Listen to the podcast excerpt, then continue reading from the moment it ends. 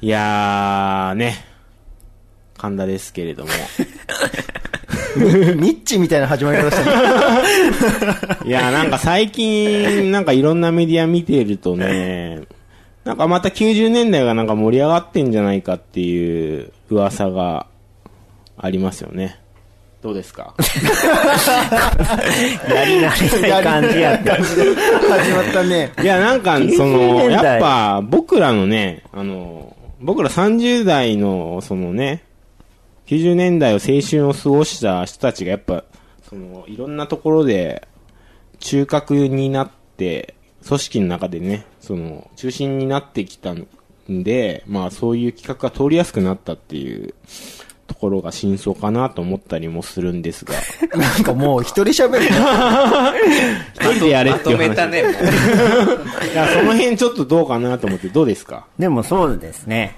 うんなんか、定期的にね、90年代、定期的にというか、結構もう10年前ぐらいから90年代ちょっとこそんなこと言ったら、だって、俺、めっちゃ90年代売りにして生きてきたからね。そしてなんかそれが終わりつつあった頃に、90年代ブームってこの、 そう、わかるわかる言いたいこ。の悲しさね。だってアナもそうでしょ そうやろう、ね俺。らもそう。それを推しに、それを推しに生きてきて、ちょっとそろそろ違うかなって思ったら、あれっていう。今来たか。俺さ、ずっと思ってんだけど、なんか、考えようによってはちょっと早めにさ、こう、ブームを捉えてるのかなとも思うけどさ、なんかでもそのさも、う、早すぎて逆にもう遅いんじゃないかっていうかさ、というかさ、なんだろうね。俺らの捉えた90年代じゃなくて、もう一個下の世代が捉えた90年代感がいいんじゃないああ、なるほどね。なんか俺ら影響受けすぎちゃってる感じじゃないですかね。はいはいはい。 90年代に。そうだけど若い子の90年代感を俺らが楽しむっていう今時なのに、ああ俺ら、さ楽しむ余裕がなくてさ、あの今下が90年代でちょっとさ騒がれるものにさ、んうん嫉妬してしまう感じ、必死必死になっなんかて、今頃ベレー帽かぶり 出して。ね、そうね。なんかだっていち早く去年ぐらいからさ、ごめちゃんとかもさ、なんかこう、90なヒップホップの格好し始めてたじゃああ、やってたね。ん。ねえ。なんか、おしゃれだなと思って。写真撮り出したしねね会うフォトみたいあなれやもつ90年代だよね。そうだよ。あれももうあの、あんな感じだもんね。そうだよ。なんだっけ、あの雑誌。アウフトでしょ。 会うフォト的なねおじいさんの寄り合いみたいな。写真展ね、ちょうどごめちゃんはそ、先月うん、やったんだよね。やったんだよね。まあそんなわけですよ。はい。はい。じゃあタイトルコールいきますか。はい。はい。今日からタイトルはタイトルは変わらずで、はい。うんじゃあ行きましょえー、アナ大久保と、う。潜水マサチェリーのレディオレックス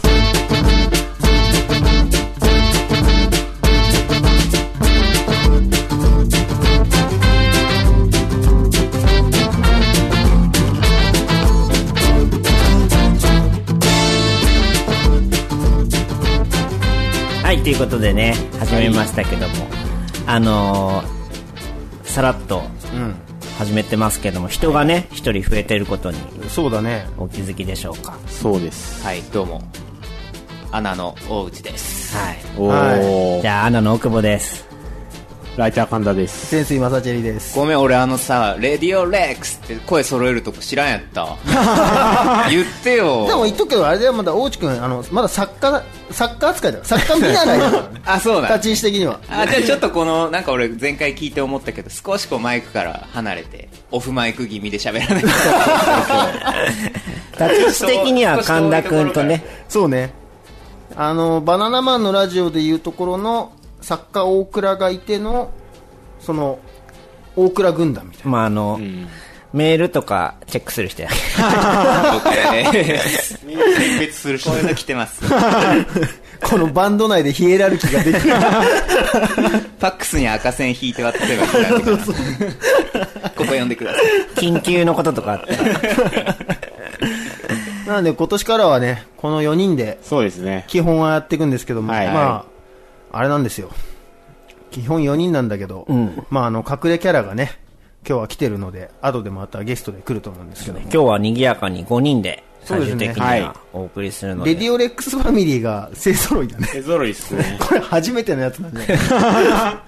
これにゴメちゃんがいたらもうそのままイベントになるんじゃないか。そうだそうねですよ。この間、あの、でも久々の放送やってさ、んなんか、個人的になんか、Facebook とかでメールもらったんやけどさ、ちゃんとやっぱ待ちに待ってましたって感じで、しかも、あれを聞いて、あの、ケトルのうんうん DR 連合をバックナンバー取り寄せて、 マジで買って、で、それでまたウディアレンにハマって、はなんかビデオはやってすごい毎日借り、毎週借りに行ってますっていう。あ。マジこの、俺全く反応なかった よ。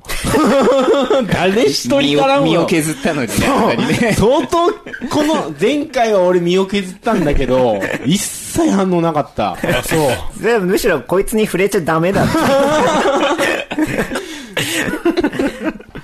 でもいいんじゃないやっぱこ う、ライターとしては、こいつ、クレイジーな 突撃取材ものできるんだなっていうことでさ、幅が広がるかもしれ ない。あの、傍聴人、傍聴人の話とか来るかもしれないそ。んな幅いらないと思うんだよな。俺今度くんはね、ポパイで書くこと決まったのね。そうそうそう、ポパイでね、今ね、絶賛、もう、ほぼ原稿は終わって、まあ、あとは発売されるのを待つのみっていう感じだでもなん決かまって神田くん微妙におしゃれしだしてるよね。あのね、僕ね、専属スタイリストが ね、 それ。えウディアレン以降ついた。ディアレンでちょっと助けてくれた スタイリストがいて、その子がね、結構ね、阿佐ヶ谷に住んで、隣の駅に、僕高円寺なんだけど、阿佐ヶ谷に住んでて、なんか日曜とかね、一緒に古着屋とか巡ってくれて、なんか、おしゃれなやつを選んでくれて、あ、そそうそう、神田くん。自分のいらなくなった服売られ、売りつけられてん じゃないじゃあちゃんとお店に連れてってくれ て、なんかこれいいんじゃないのとかう。言おって。店からすってその子がなんか渡されたりしてんの まあそういう可能性もあるかもしれないけど、でも、あの、まあでも、まあその、急に変な格好しだしたらさ、おかしいじゃん。だから、その、今の俺の格好とそんなにかけ離れてなくて、まあおしゃれ。っていうものを、ものをちゃんと考えて選んでくれてるかいやなんら、かでもなんか神田くんおしゃれになったらちょっと嫌だけどね。いやいや、ちょっとね、そこはね、ちゃんと俺も、まあそういうねな。んか文化人ではいおしゃれになってくやつって、ん多分ね、ダメだと思うよ。ダメいや、でもさ、あの、いるじゃない、そういう人。いや、いるよ、いっぱい。なんかさ、でもそうするとなんかさ、こう、一番いい時の良さみたいなのなんか薄れていかないマジでやっぱりこう、ポパイにも書くけど、週刊誌もいけるっていう、ね。いや、もちろん、そう、両方やってるよ、俺、今も。それがいいよね。常に、あのー捕まりそうなところギリギリを渡って生きていく。そうそうそう。今度もね、女性自身にも今度記事書きます から。もうすぐね、才蔵でも、才蔵にも今ポ書パいイてから才蔵までってすごいね。すごいね。この振り幅。まあそんなね。うん。はい。売れっ子ライターのいやいやいや神田くんですよ。じゃあまあでも今年はね、うんこの4人で、あのー基本的には、のんべんだらりと、内容的にはあんま変わんねえのかな。うん。やっていこうと思ってますよ。はい。じゃあ、先ほどね、あのーゴメス君の写真展の話しましたけども。はい。はい。じゃあ、そのゴメス君と僕で、もう2年前ぐらいかな、に、そうそうだね、もう2年とか経つね。うん。1年半ぐらい前かな、に出した曲を、はい。まずは聴いていただきましょう。きょ、きょまきょ。はい。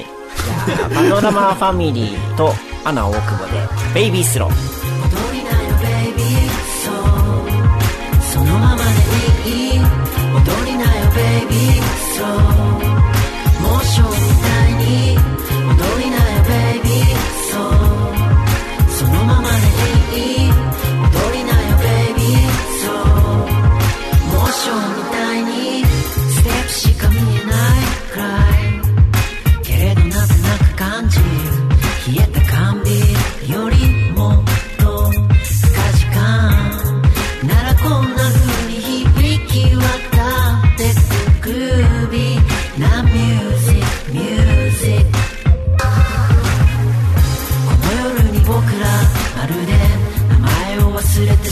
らして光と光と溶け合ってこの夜に僕らまるで名前を忘れてしまったような顔して光と溶け合って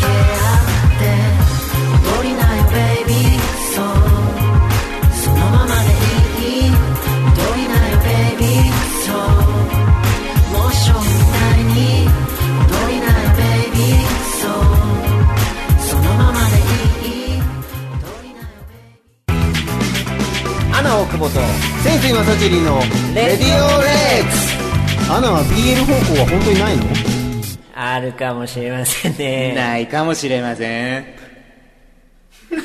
DJ モニカの自由形を DJ になっちゃったの MC でした MC でした DJ に。どうもお久しぶりですお久しぶりーふどうも帰って恥ずかしながら帰ってまいりました横 MC モニカ横で井すさん ね1年ぶりぐらい1年半ぶり登場はねあ違うかも1年ぶりだよね1年あ違うアナの23ヶ月ぶりじゃないアナのアルバムが出る回の前に来たんだあのオリンピック特集の時に多分そうだ、そうだ生でやったんだ。そうだ来たんですよだからね、いや久しぶり久しぶりに今日は親くんうん登やっ場ぱねで。遠くに旅立ってたって感じだよねもう旅でもないか何そ れ遠くに遠くにこもってたっていうあのパルルート君の本丸みたいな力を貯めてたのあ今日の漫画特集にねちょそうっだと引っ掛けてね漫画した よ来まとしいやでもまあ自由形も結構長く続いてるよね唯一ね、一回も休まずにそうだやねってるコーナーで。俺が唯一期限をちゃんと守るっつってそうだねウィークエンドの時にあんだけ期限を守らなかった男がなぜあれのコーナーだけはちゃんと期限を守って送ってくるんだ って逆に自由形期限守れなかったら何も守れないんじゃないかなじゃあ今回の意気込みはどうですか今回はねやっぱ第ちょっと久しぶりだったから今ねまた逆に溜まってきてるからあアイデアがねそうアイデアが溢れてるね溢れ出るそうなん第2期って感 じでセカンドシーズン始まっセカンドシーズンそうプリズンブレイクっていう感じですそうだから今ねこれからいいと思いますよこの間の間にあったう個人的な思いのね変化思いとか入れてないけどじゃあちょっと聞いてもらいましょうかじゃあ曲紹介 えーモニカで自由形ですどうぞ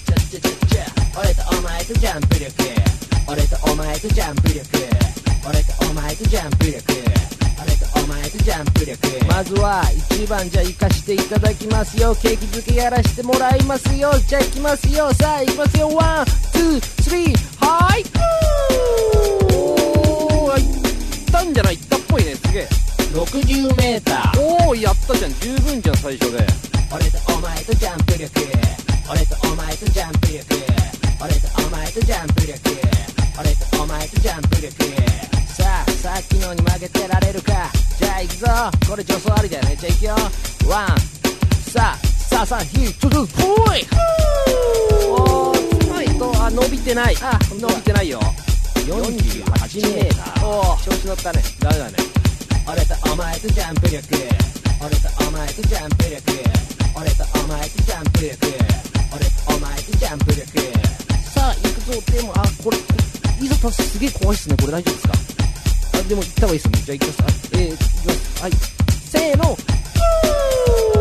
あかわいいこれはかわいいちょっと7メーターうわ怖いよねまあダメだね俺とお前とジャンプ力俺とお前とジャンプ力俺とお前とジャンプ力俺とお前とジャンプ力はい次あれでしょ谷健さんでしょそうだよいきますあおいきなりいったすげえ82メーターえおおすげえ跳ねたねマジで何あれいきなりいいんだランプつく前行ったよね俺とお前とジャンプ力俺とお前とジャンプ力俺とお前とジャンプ力俺とお前とジャンプ力じゃあ行きますさあいよいよメインじゃない新記録かかってくるの登場ですよそうだスタート120メーターやっぱ今芸術点も入ったでしょだよね、うん、やっべえ俺とお前とジャンプ力俺とお前とジャンプ力俺とお前とジャンプ力俺とお前とジャンプ力じゃあ最後に締めであの大会委員長の僕が行きます行きますよはい one two and two 今のワードとらしいよねいつもねね嫌いだわ52メー ター俺とお前とジャンプ力俺とお前とジャンプ力俺とお前とジャンプ力俺とお前とジャンプ力今回はまあ別に結構大会としては嫌いじゃない。ね、なんかでも、ね、ね、結構整備されてきてんだなって思った。はい、ということで、ジャンプだ。スキージャンプ。これまでだから、わからないんだ よ。鳥鳥人間コンテスト的なノリやろと。りあえずジャンプ力だけ測ってるって分かったんですけど、まあ、おのおのどういうジャンプしてたかっていう。もうさ、俺ちょっと思ったらさ、もう自分サンプリング始まってるよね。そうですね、もう、わかんないです、これは。あの、サンプリングというか、サンプリングもなんもないんだけ ど。そう。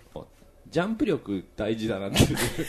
だからいどの世界にも。何を話してんのだから、行くぞって時に、 ああ、どれだけ飛べるかっていうそのうが、ね。実際のそのアスリート的な方もそうだし、こう、ここチャンスだと思ったら、俺はちょっといつもより気合いでジャンプするぞみたいな。あと、あれだね、今回の肝は、あの、プーンがうまく取れたっていうの だね。あれが何回も使いたくなったってことですね。ああ、なるほどね。あれ、あれと、まあ、後ろのあれはいいとしても、プーン、あれね、あと15回ぐらい聞くと、あれ鳴るだけで面白くなる から。ベタというか、あそう。来るよ、来るよ、来るよっていう面白さ。あなるほ今ど、度ね。ちょっとさ、レックスラライブイベントやるときさ、これやろうよ。いいですかモニカ、 30分もらっていいですかあの、転 換、転換ごとにやろうごよ。とにね、一人ずじゃあつで。もさほらぶっちゃけさアナはいいんだけどさアナの周りが許してくれない匂いがするじゃえ、そんなことないな大い丈よ。夫もう大丈夫になってきた そうなんですねまあまあ、じゃあまた生モニカさんが見れる日も遠くないかもねっていそううねですねちょっとこのフリースタイルでちょっとねもうちょっと仕上げてきます現状だって、モニカとしてのさ、活動はさ、このレディオレックスとさ、アナのイベントのみやもん。のみだなね。ってるでし 戦略契約だからね。 それをメインにやってるかょそらうね。ねそこでしか出しませんってちょっと変にねブランド化されてるちょっともし求められてないから大家君を MC として使う場合は、うんアナを通しても らう。アナのホームページの方にね。ぜひちょっと呼んでください、あの、ブッキングも待ってますので。待ってます30分いけます 30分いけますよじゃあ、ちょっとそんなわけでね。はい今年はまた頑張っていくぞと。セカンドシーズン。そうですセカンドシーズンはい。じゃあ、そんなわけで、自由形でした。はいアナ奥本先生正樹のレディオレックス俺はレックス最近見ないでファックス心はマックスレディオレックス的漫画特集漫画いやー今日は大人数でお届けしておりますが今日はまあ あのというわけでレディオレックス的漫画特集なんですけどもですね、うんえっ、と漫画読み組と読まない組がいるんですよそうですね。はい。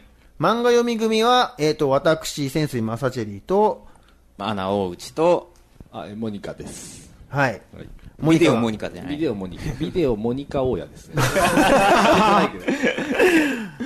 こっちの3人は、もう結構漫画読む。割とディープに読んだりします結よ構ね。今よりも昔すごい読んだまあそうねまだうん最近は減ったけどね。っていう感じなんですけども、こっちの、うん。はい。僕はね、まあ、その、今月、この1ヶ月間、結構課題図書とか読んだんやけど、うん。結構人生で一番読んだんじゃねえかなっていうぐらいのペースで読んだ。あ、そう。っていうぐらい読まないね。神田くんは僕も全然、本当読まないですね。ジャングルの王者、ターちゃんぐらいそうだね。 ペドロペドロとかアナベベ。中継してるそれぐらいだななるほどね。なので今日はいくつかのこう、小コーナーで紹介していければなと思うんですけども。僕でもね、1ヶ月間ね、読んでね、な、なんかね、分かったっちゃ。なんで読むんで、読むんでないか。なんで、だから要は、手塚治虫とかそういうのはさ、読み寄ったんやけど、なんかね、その、まず家で漫画 NG、なんかあんまり良くないものとしてさ、まず買ってもらえんで、小さい頃。で、入院とかしたら、特別に買ってもらえよってん。で、俺、親父とかも一切漫画とか読まんし、だから、俺ね、その、中学からさ、私立で大内と同じ学校通いよったんやけど、その、電車で通うわけよ、中学校に。で、子供ながらに、こう、サラリーマンとかと一緒に電車乗るんやけど、漫画を読みをサラリーマンとかさ、大人がおった時にさ、なんか、こいつ、バカだなって思いよったっちゃん、ずっと。 こっちの3人に対する侮辱、侮辱以外の何者でもないよ ね、本当に。いや、なんか、大人なのに漫画読んでるっていう、でもその時代あったねそういうでもまあ、あったよね。なんかでもそういう時期やん。わからんけど、あんまり今ほど漫画がさ、そうね、もうちょっと。カルチャーうとんして消化されてなくて。で、かたや俺は小学生やっちゃったけど、まあ小説とか読み寄ったし、なんかこの人恥ずかしくないのかなみたいなのがあって、なんとなく漫画がね、その、隠したみたいな。そうそうそう。バカの読むもんだと思あでも、まあ、言いたいことはちょっとわかるやろわかるよわかる、う。で、なんとなくもうそれで、なんか人前で読むもんじゃないっていうのがあって、だから今回ね、その移動中、電車の中とかでさ、すっげえ読み寄ったんやけど、最初ね、もうほ、すごい恥ずかしかったと。なんか開くこと自体が。漫画をね。そう。で、まあ、岡崎京子とかさ、性的描写もあるしさ、寄生獣とか読み寄った言んっやけとどくけど、こっちの3人は、電車の中で岡崎京子とか読まないもん。読読まん読まんむ漫画と読まない漫画あるよあね、るある電車の中でね。こういうちゃんとしたなんていうのサイズでかいやつは読まない読まないねあ、そ俺う。 これぐらいやったら読むけどねそうだね。それこそ週刊ジャンプとかを読むみたいな時期はあったなんかこういう家に置いてあってみたいなそうだね。それ拾い寄ったんだよいや、でもね、それを経てね、もう今やね、今日もここに来るときね、堂々とね、広げてきましたよ。あ、そう。もう恥ずかしくない。むしろね、なんかそのエロいページとかをね、隣に女性がおるときにね、ちょっと見せるぐらいの。斜めに読むみたいな。ちょっと傾けて読むぐらいの楽しみ方をしてますよ。なるほどね。えっとですね、事前に私たちの方から推薦漫画を、うん。僕と大内くんの方からあの出してですね、読んでこいとはい。言ったわけですよ。で、私が出したのが、まずはじゃあ、大久保くんに出した課題が、えっと寄生獣。はい。これはね、タイトルはね、知ってましたよ。もう多分中学生ぐらいから知ってるのかな。あとはまあ最近ちょっと映画化したりと映画化かもし、ましたねちょっと話題になってるので、まあどうだったかなと。最初はね、あのね、映画をちらっと見て、読んだことにしようかなと思ってたんですけどね、なんかバレそうやったけんね、一応こう借りて。でまだね、現状も読んでるんですけど、今8巻ぐらいなんです8巻全10巻のうちの8巻ぐらいね。そう。これが面白いよ。あ 本当に寄生獣は読んだ方がいいよ。えなるほやど。ばいんだから。今、え、でも本当に面白かったの いや、だから今もう本当にもうハマって、いやもう早くこれをもう読みたいもん。早くこの特集終わんねえかな。ー、早く読ませてくれる系えエンタメ系 エンタメっていうか。面白い寄生獣とか、そんな4コマ漫画的なやつじゃない。なんか、じゃじゃーんとかでギャグとかないよ。 まあまあ、言ったら SF だよね。あ、そうなんだ。 SF。違うないでしょ。 なんだろう。いやな SF でいいんじゃないですか、 SF っちゃ SF だけど俺は SF でいいと思う、なんかいわゆるその宇宙的な SF とかじゃない、エイリアンとかじゃないじゃん。まあでもエイリまアあンでもエイリアンだ寄生獣やけどなエイリアンがまあ日常に入り込んでくるみたいな、そういう感じよね。コメディ全然コメディーじゃないよむしろね、ちょっとね、ヒューマンハートフル物語をどっちか社会派。あ、そうなんだ。うんうん。いや、なんか、ね、読んだ人はわかると思うけど、んなんか もうちょっとなんか、ちょっと楽しそうだな。結構俺だけんね、俺まだ、でもね、その最後まで読んでないけん、捉え方違うのかもしれんけど、あ、でも多分一番いいとこは読んだんじゃないかと思う。結構ね、だから、人とね、話すときとかも今ね、ちょっとね、ひょっとしてって思うもん。ひょっとしてこいつって。そうそうそう。ああ、なるほどね。寄生獣みたいそうな。じゃあでもまあ、寄生獣、何点成獣何点 ?80 点ぐらいかな。高いんじゃないですか。ちなみに、大家くんは寄生獣読んでた読みました結構その昔読んだからちょっと後半忘れてる確かにちょっとでもなんかあれさ、読んだ時のさ、あの衝撃っていうかさ、衝撃あ、すごいねっていう感じはあやっったぱよ絵ね。絵の衝撃今読んだ方がいいかもねもしかしたらうんなるほど面白かねっ。たよで、えっと、もう一冊、 私が神田くんの方に出したはい。のが、先月もちょっと取り上げはたい、岡崎京子、ピンク。はい。どうでしたこれ読んできました、僕。いテンション低いね。やいやいや、全然。どうだったのいやーね、これね、これはちょっと、だから、い思春期の時に読みたかったなって いう。あ、そうう。ん。やっぱ今読むと全然その、そうだね。今読むとやっぱちょっと入り込めないかなっていうのは正直にあったね。これジャングルの王者、ターちゃんの絵だったら、たーちゃんの絵だったら、てか前回そういう話よね。絵だったらどうかな。た、たーちゃんの絵だったらもう全然もう、あの、最初2ページぐらいでもう捨ててもう捨ててたと思うけど、一応最後まで全部読んだね。でどうどうだったんですか、えっとね、ライターなりの切り口としては。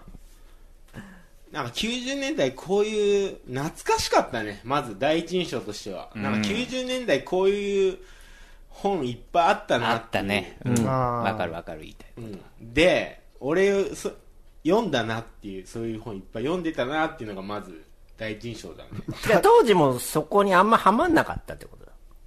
いや、でもね、俺当時はそういうの結構読んでたなっていう、意外と。それこそ山本直樹そとうか、そうそう。そういう感じってそういいうう感じの。吉本義朝とか、そうそうそうそうそう青い車とかね,、まあとかねそういうなんか日常を描いてまあそのストーリーらしきストーリーもあんまなくて、んまあそのままなんか結論もなせず何もなく終わっていくみたいなそういう、こういう漫漫画ないよねや今っぱそうだね、漫画の、こんなにリアルにおっぱいを描く漫画ってなかなかな いな前回も言ってました。一番好きな形みたいなこと。あえて言えばね浅野いにおとかがこういうあー、系わか譜るかよ。なっていう感じかな わかるけど、なんかあれいてんだよな。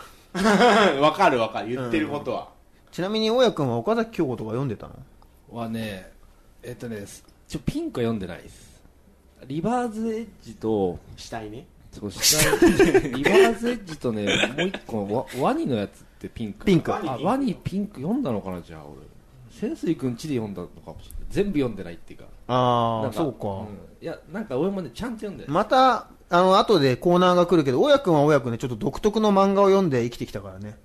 なんか、バキとかさ。あありますね俺結構チャンピオン系読んだからねイメージ的にはもう本当そのままねう、んバキとか。そう。。バキとか、なんだっけ、前に話してたのが結構そういう。高いよ乗りたかああ、のりた、のりたかマガジンですねあ。マージンか 鉄鍋のジャンとかああ、それ はチャンピオンだね。あ大山菊之助。そうだねなんかねあわかんない多分もっと掘ったら当時ちゃんと読んでた気もするんだよねそうだね。大内はこういうさ、岡崎京子あとか岡崎京子は俺は全然読んでないそ。ういうのは興味ない。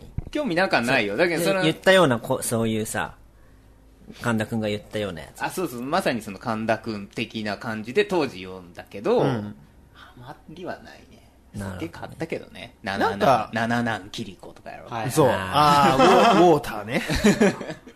俺でも悪くなかったよ今読んでもあ、本当。んで後にあのね、あの、どんどん映画化されていくようなやつよね。あの、日本の単管系っていうか、単関系ですね。そうだね。その辺は、逆に俺その辺は読みよったな。なんかね、でもね、漫画っていうのはね、あの辺はね、大地君の言ってるのも分かって、面白いんだけど、も俺も結構そっちハマるんですよハマるんですけど、結果時代のものっていうか、ずっと面白いのはやっぱエンタメ系なんだよねそうそうそうそうもうちょっと、なのでちょっとまた独特な立ち位置ですけど、まあでも楽しかったぞとそうですね懐かしかったぞと懐かしいというのが第一印象でやっぱうんそうだなこういうなんというか 説明しづらいんだけどねもう何もハマってない。この、このシーングッときましたみたいなのないですかなんかそういうのない。ない。点数いったら点数。はいじゃあ、岡崎京子ピンク。は い、まあでも何点悪くはないえっ、ー、とね65点 それなりに気を高いね。気を使った結果です じゃあ次は大地君の方からの課題図書ははい。僕、じゃあ、大久保から、うん。青い炎、島本和彦。最近話題のやつです今、去年ね大話題で、あ、そうなの今これ、特に話題。あれですよねドラマ化して話題になってまあ、どっちかっていうと、その前から、その、漫画の評価がやっぱ高くて、この青い炎の、で、まあ、ドラマになって、ドラマもすっげえ面白くて、そしたら最近登場してる岡田敏夫が岡田敏夫が、バズり出した 炎上したせいで、ちょっとこの漫画大丈夫かなっていう、こう、ファン的にはね、はいはいはい心配になる。すっげえ出てくるけんさ、岡田斗な司るほ夫、どね重要人物で。俺え俺3巻まで読んだんやけど、出てないよね、まだ。まだ出てきてうんないです。え十何巻まで出てない今13巻まであるんですけど、そうだよねまあ途中で出てくるかな。いやこれなんかさ俺まだ読んでないんだけどさどうだったのこれはね、俺は、やっぱりね、その、これはどっちかっていうと今のやつよね。うん原稿だねあ、今、連載中です。だから、かわからんけど、まあ、寄生獣ほど、ハマりはしなかったかな。ああ結構だからもうもともと漫画の、まあ、言ったら青い炎っていうのはあれですよねそのなんか賞取ったよね確かそうつい最近撮った、そうなんだよ。小学館漫画大賞さ作者の人のの、まあ、個人誌みたいなそうそうのそをうやってるから結構その漫画に詳しかったりすると余計楽しめるとかかもしれんね。ああ。漫画あるあるとかが入ってんの。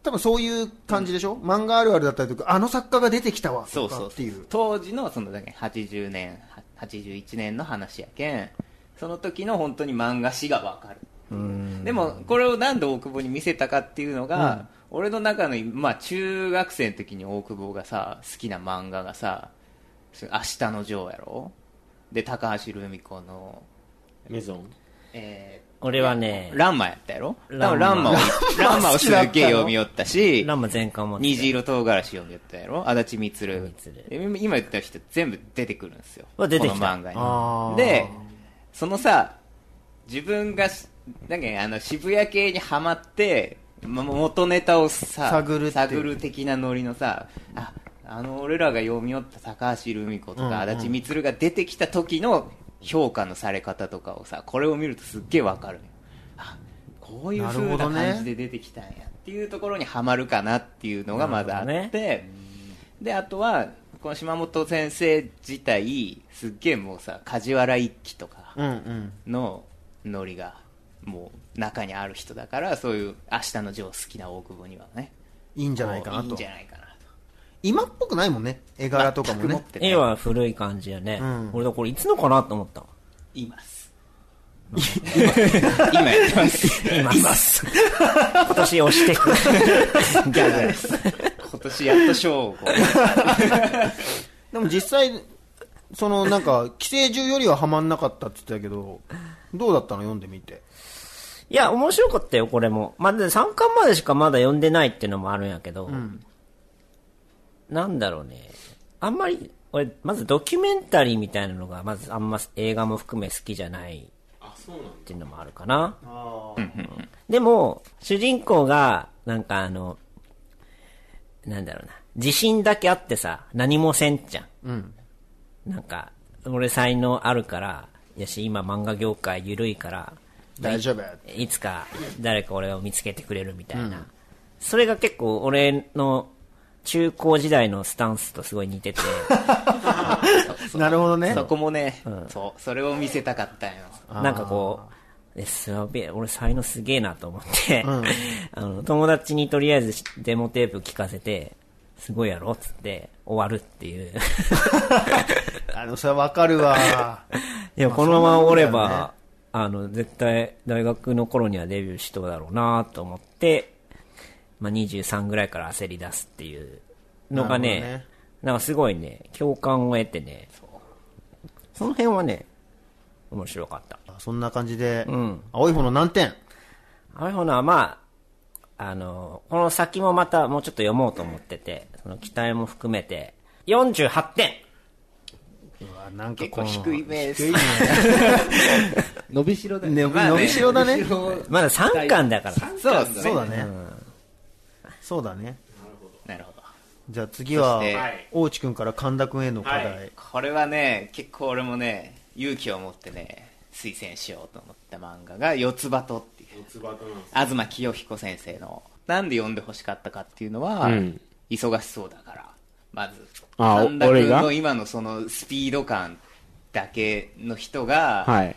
この1は1日ぐらいのペースなんですよ、うんこうれんうん四つ葉っていう主人公がうんうん町に引っ越してきて、あーそでそこから始まるんですけど、うんうんその1話が、まあ、1日分、うんうんうん。だからこの今単行本で13巻まぐらいまで出てきてるんですけど、うん。多分まだ1ヶ月とか2ヶ月とか、まあ、夏に始まって夏のまんまなんよまだうんうん。あスピード的に、はいはいはいでもうちゃんと話はこう進むっていうか、四つうんうんその子供の成長じゃないけど、きっちりそれが描かれてて、これ、今俺、ピシャッと見たけどさ。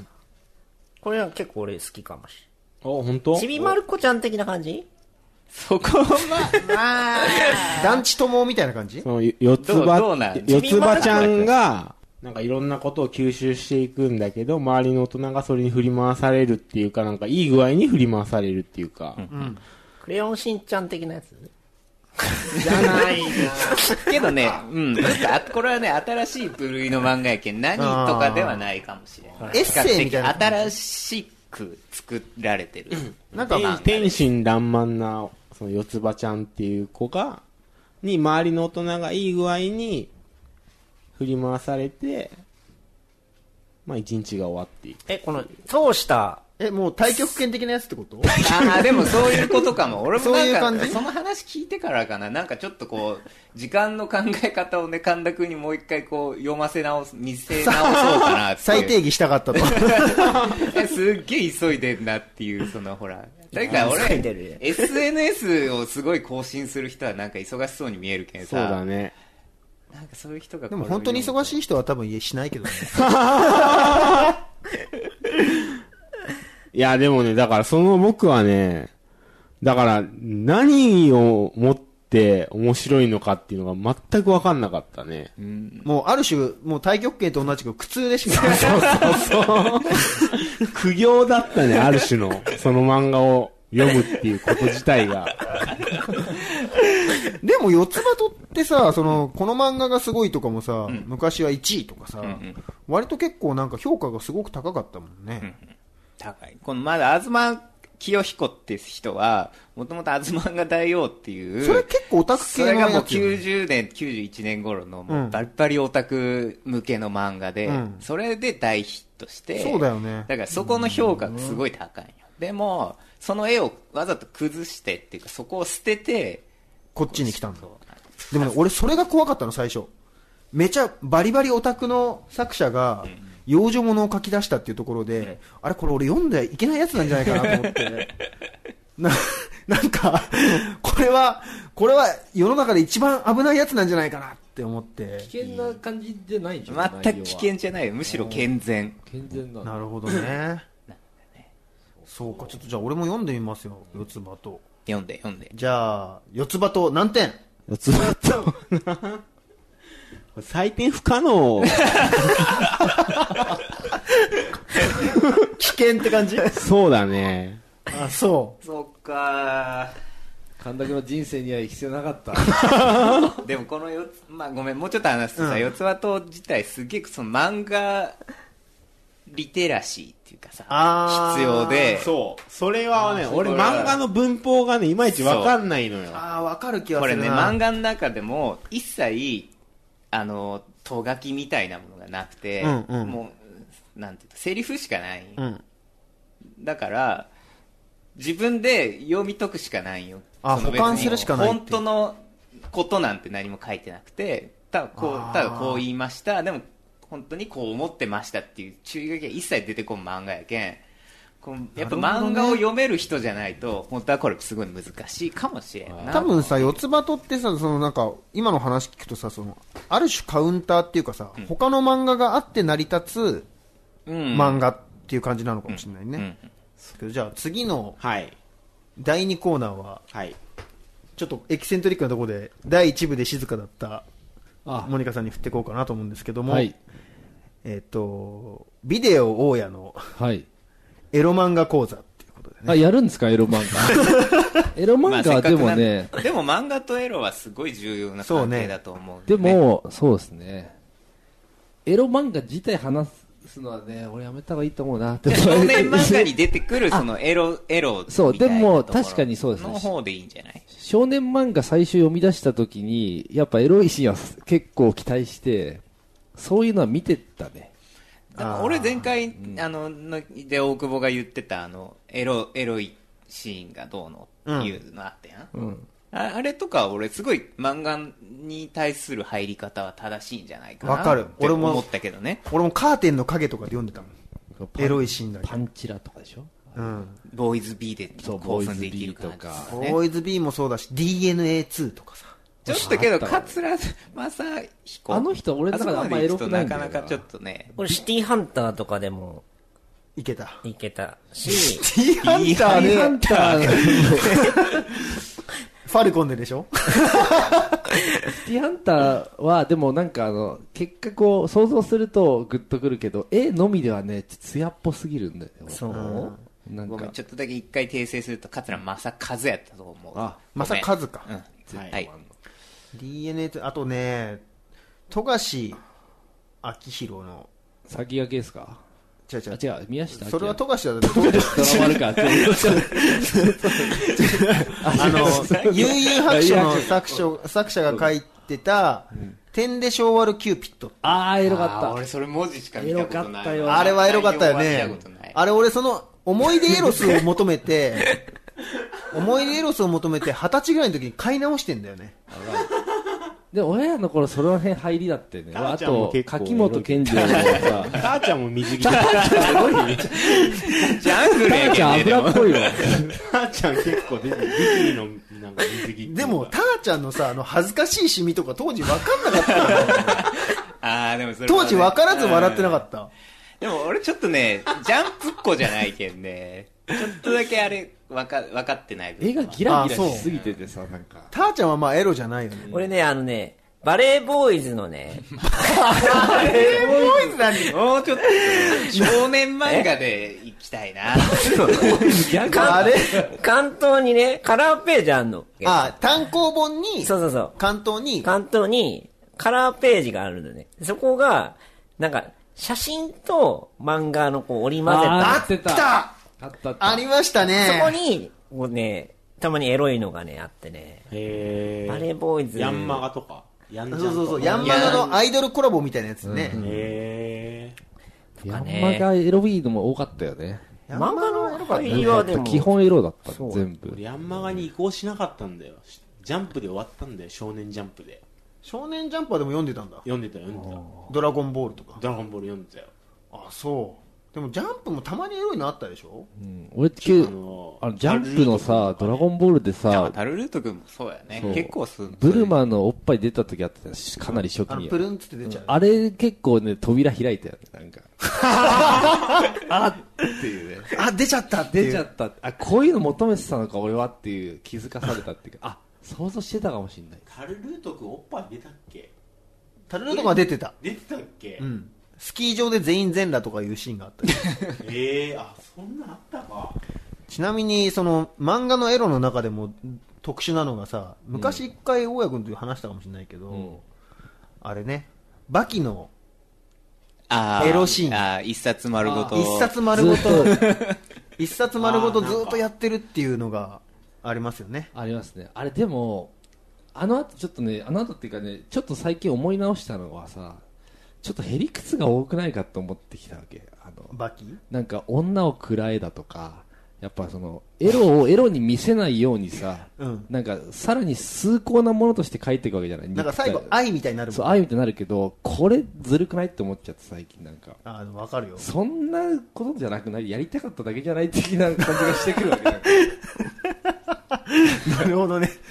いやでも まああれ自己保は、身を感じてしまったんだよあれはでもなんかかこう、読んどく分にはいいよね。読んどくあの絵はすごいですね確かに絵はすごいですよね。最近すごいもんね。最近宮本武蔵が出てきってるが宮本武蔵が現代に蘇って、最新のあの科学で宮本武蔵のクローンを作って、そいつと戦わせるっ つって最近やばいのがもう武器ありってなってきた刀持ってるやつと戦ってるから武器ありのストリートファイトのみっていう感じだったもんね。もうなんだかわかんない感じですよ。格闘漫画が基本好きですねそう考えると僕が、あ、そうなうんん、ですね。先駆け男塾だとかど漫画か、あれ。いろんな人が出てくる格闘漫画はやっぱ見ちゃうキャラクターが多いあえジャンプがそういう時期あった気がするあ。だからやっぱ、格闘だけは俺、多分絶対ハマんないな。あのね、多分ロジックのある格闘漫画が面白いんですよね。うん、あとそう確かに意味ないからね あのずーっとでもなんかね見てるとねかこういうバリエーションあんだとか心の機微とか書き出すとちょっともうやばいのよそれがあの、フリースタイルのいろんなキャラに現れてきてるんでしょあそうかもしんない ねいろんな人出したいっていうこといろんな人出したいっていあう。そうなのかなちなみに、大地君はさ、自分のフェイバリットっていうか、こう、ベスト3みたいなとかある牛音虎、ああ、牛尾と虎ね。吉音虎を。 H2、 H2 は、あれでしょあだち足立みつるね。H2 まあ、あと1個ははね何でもいいけど、別に。じゃあ逆にもうこれで嫌いっていうか受け付けない感じのなんだろう逆にこんだけ好きだったらねあー、でも筋肉ものかな、俺は。筋肉もあのんまりそんなに読まんかな。で格闘系は読まないから格闘系あ。ーあと、ヤンキー系ヤンキー系ね系でもギャグならいいけどね、それこそ。カメレオンとか、うん。ぶっこみのタクとかあ。ー逆じゃないやろうけど。昔のでもああいう、ろくでなしとかろくでなしブルースとか、そういうのはあんまり。うんあバレーボーイズもヤンキーバレーボーイズは、あ。バレーボーイズってだってあんなんか、すごいキャラ出てくるよ ね。なんか、おかっぱのさ、トラコや ろ。唇熱くなる俺が、俺はね、あのね、萌えみたいなのが苦手なんだよね。ー、BL とかはどうなのあ、俺 BL は好きよ。好あ、そうなんだ。きっていうか、吉永文は読んでる。あ、吉永文って B- BL ってのボーイズ。ラブ。え、B、そんなに、え、ナチュラルなものなの あのね、じゃあ、吉永文は、大御所でしょそうそうだって BL の。あのね、その BL が、要素がドンって出てきてるわけじゃなくて、だって俺が読み寄ったらさ、アナ、危険じゃねっていう雰囲気になるやん。 BL? そこは、そこはでも言ってみたらいいんじゃない BL を望んでないのに BL になりかけたからね、ウィークエンドなんて。大家君に、大家君に俺やられかけたから、ね。やられかけ た背後にね背後に寝てたら、寝てたら全裸で添い寝されてたら。いい曲いい曲できんじゃないかな 喪失もう見た目が BL じゃないの バキだよね。格闘だよね。バトル的なね バトル的なリーダーよたねだなんか、そのね、BL、その吉永文とかだと、結構こうなんていうの、エロいやつもあんのよ。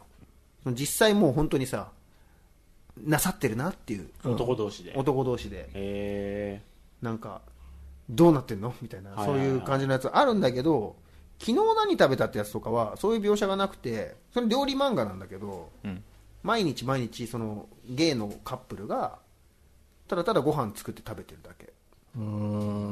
なんだけど、その中に、ちょっとこう、その、切なさとか、その、基本的にさ、ゲイってさ、結婚できなかったりとかさ、うん。なんかその、制約がすごいあるじゃん。うん。だからそれがなんかこう、切ない感じっていうか、なんか今っぽい感じ。なるほどね。に描かれてるってイメージかなだから、ちょっと貸すから、いや、いいよ。電車で読めんやん。か二人で座ってさ、片っぽ。二人で昨日の歌みたい見ながら帰ったら。帰りの電車でそうね。人で人によっては分かるっていう。あれっていう。インタビューとかで言うので最近好きな漫画昨日何食べ たちょっとちょっとずつちょっとずつ入れてあれ何かあな変わってきた影響を受けたアーティストアクセス。匂い付きの CD とか出し出した。そっか。じゃあまあそんな感じかな。っうん。てことで、あのー今日、まあ、一応ゲストの、はいあのービデオ MC モをニカ、ビデオ、大家、MC モニカです。から一曲。一曲。これはね、今やってるビデオっていうバンドの、入魂の一曲です。入魂といっても、 えー、なあ根を入れる方じゃの、ないそうです、そう です。エロ漫画になっちゃうんですけどね。じゃあ聞いてください。ビデオで、フェリー。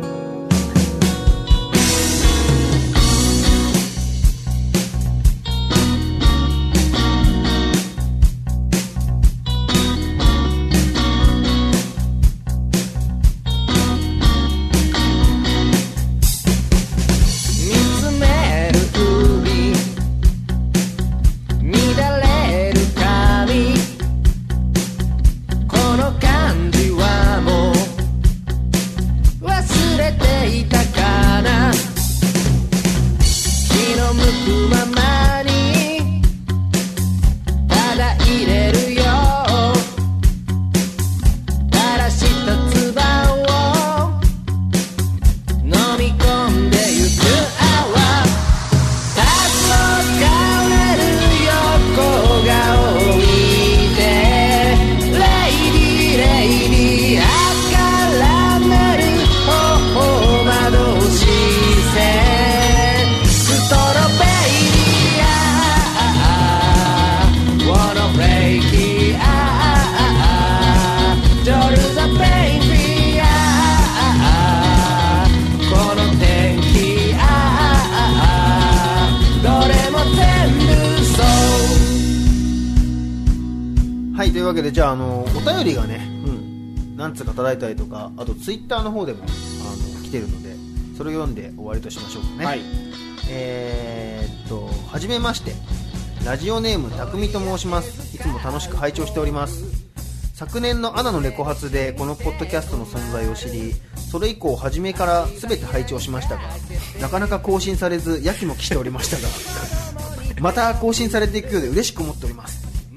先あり生がとさうござんいます。ありがとうございます泉水さんのネアカ感大久保さんのネクラ感 神田さんのクレイジー感お三人の色が見事なグラデーションを醸し出す軽妙なトークさらに次回から大内さんも加わりどんな色となるのかとても楽しみにしております俺なんだよな。やってくるか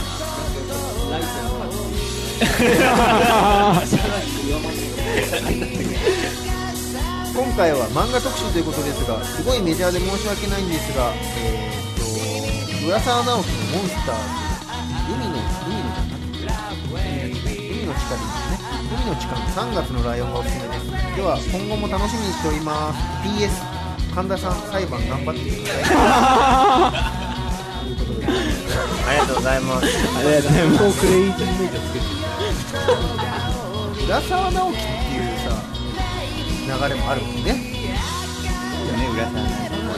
ヒット最作近をなんか出したよ。あれはビリーバットあれなんか、この間久々に出したやあそれはマスター・キートンね出したよな。そうそうやわらつ。あー、谷と。よくは関係ないよね。の元 ネタ。あれどっちが元ネタで漫画が元でしょ原作として谷亮さん浦沢直樹ってでもモンスストーリー漫画のね、一番でもそうだよね。でもさモンスターとかもさ結構ごまかして終わった感もすごいあるモンスターの高まりがねあーってことですそうあーあーっていうさしょうがないって20世紀少年もそんな感じだったじゃない20世紀少年も十分雑誌でしたなんかあれ以降ずっとあんな感じじゃないそうそう人数がまあマスターキータンマスターキータン面白いねでは完結コーナーねアイデアスマスターキータンみたいな